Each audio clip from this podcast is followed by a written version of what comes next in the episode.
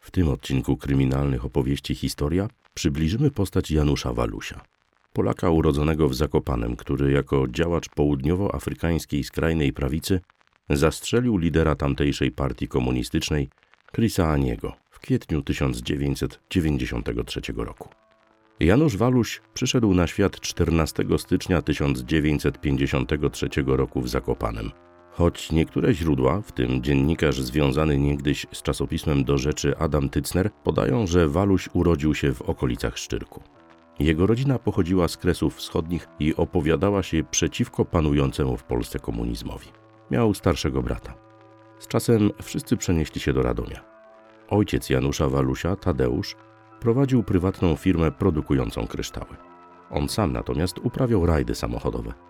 Był nawet mistrzem Polski w kategorii Fiat 127. W kwestiach politycznych przedstawiał się jako sympatyk Solidarności, choć zaznaczał, że bliżej mu do KPN. KPN to Konfederacja Polski Niepodległej, założona w 1979 roku i nawiązująca do tradycji Piłsudczyków. 1981 rok to emigracja Janusza Walusia do Republiki Południowej Afryki, gdzie już od połowy lat 70. mieszkali jego ojciec i brat. Wspólnie zajęli się tym, na czym najbardziej się znali, uruchamiając małą hutę szkła. Po kilku latach firma jednak upadła i Tadeusz Waluś wrócił do Polski. Synowie zostali natomiast w RPA. Starszy założył inną firmę, a młodszy, Janusz, znalazł pracę jako kierowca samochodu ciężarowego. Zaledwie pięć lat po przybyciu do Afryki w 1986 roku Janusz Waluś uzyskał południowoafrykańskie obywatelstwo.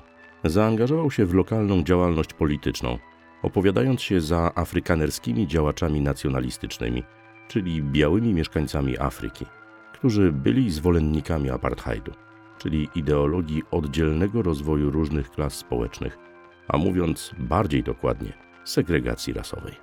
Waluś należał do utrzymującej się u władzy Partii Narodowej, potem Partii Konserwatywnej, a w końcu do skrajnej, uważanej za neonazistowską i terrorystyczną, organizacji Afrykanerski Ruch Oporu. W lutym 1990 roku prezydent RPA z lat 1998-1994 Frederick Willem de Klerk podjął decyzję o uwolnieniu Nelsona Mandeli, jednego z przywódców przeciwników apartheidu i późniejszego prezydenta RPA od roku 1994 do 1999. W tym samym czasie zalegalizowano największe ugrupowania opozycyjne, takie jak Afrykański Kongres Narodowy i Południowoafrykańska Partia Komunistyczna. To wywołało radykalizację ruchów afrykanerskich, do których należał Waluś. Nie podobały im się zmiany sytuacji politycznej w kraju. Nie chcieli, by czarnoskóra większość zyskała prawa obywatelskie i wyborcze, a jednocześnie by rosło poparcie dla działaczy komunistycznych. 10 kwietnia 1993 roku pod swoim domem w Boksburgu nieopodal Pretorii zastrzelony został Chris Hani, lider południowoafrykańskiej partii komunistycznej. Sprawcą zabójstwa okazał się Janusz Waluś. Przed sądem wyjaśniał potem. Wychodził ze swojego samochodu. Wsadziłem pistolet Z-88 za pasek z tyłu moich spodni i podszedłem do niego. Nie chciałem strzelać w plecy, więc zawołałem Mister Hani. Odwrócił się, a ja wyciągnąłem pistolet i strzeliłem w niego. Kiedy się przewracał, strzeliłem drugi raz. Tym razem w głowę. Kiedy upadł na ziemię, oddałem jeszcze dwa strzały w skroń. Zaraz potem wsiadłem do samochodu i odjechałem stamtąd najszybciej, jak to było możliwe.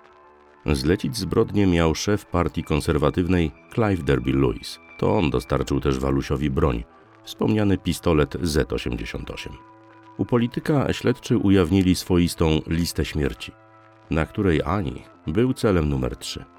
Spis otwierał wspomniany już Nelson Mandela, a pozycję drugą zajmował Joe Slovo, lokalny prawnik i działacz polityczny pochodzący z żydowskiej rodziny z Litwy.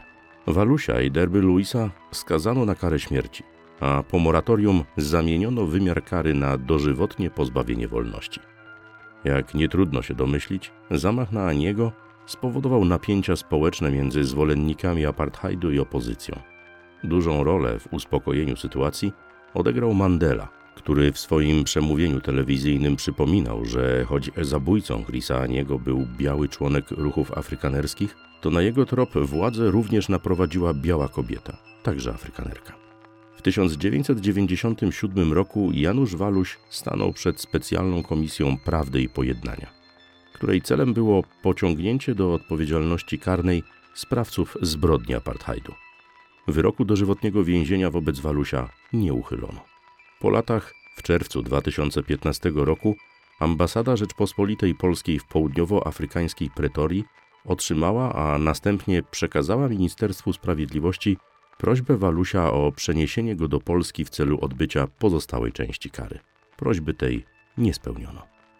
Niespełna rok później, 10 marca 2016 roku, sąd w Pretorii uznał, że Janusz Waluś, po ustaleniu wysokości i wpłaceniu poręczenia majątkowego, może zostać warunkowo zwolniony z odbywania reszty kary.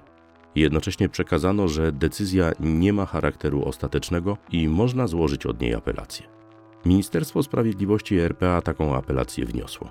Początek procesu ustalono na 5 maja 2017 roku, jednak termin przełożono potem na 29 maja. Wtedy to Najwyższy Sąd Apelacyjny uchylił decyzję sądu z Pretorii, a Janusz Waluś pozostał w zakładzie karnym. Nieco wcześniej, bo na samym początku 2017 roku, Waluś zrzekł się obywatelstwa południowoafrykańskiego, które posiadał od 1986 roku. Miało to ułatwić mu warunkowe przedterminowe zwolnienie z odbywania reszty kary i powrót do ojczyzny. Sąd nie wyraził na to zgody.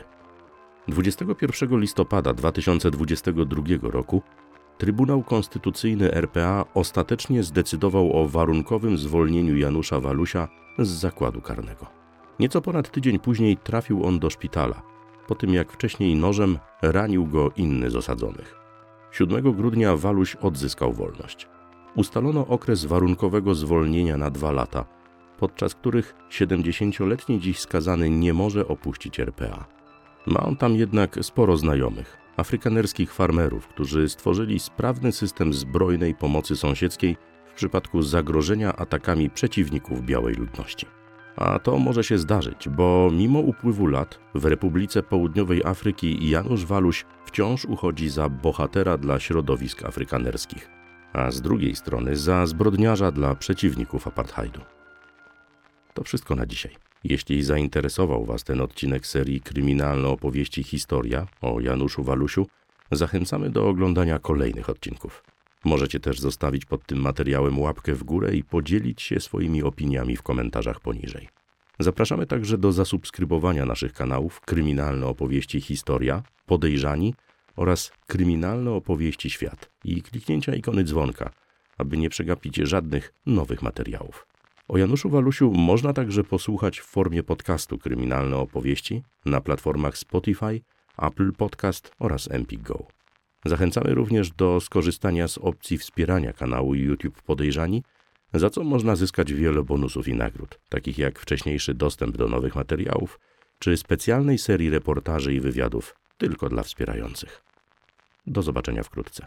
Czytał Maciej Marcinkowski.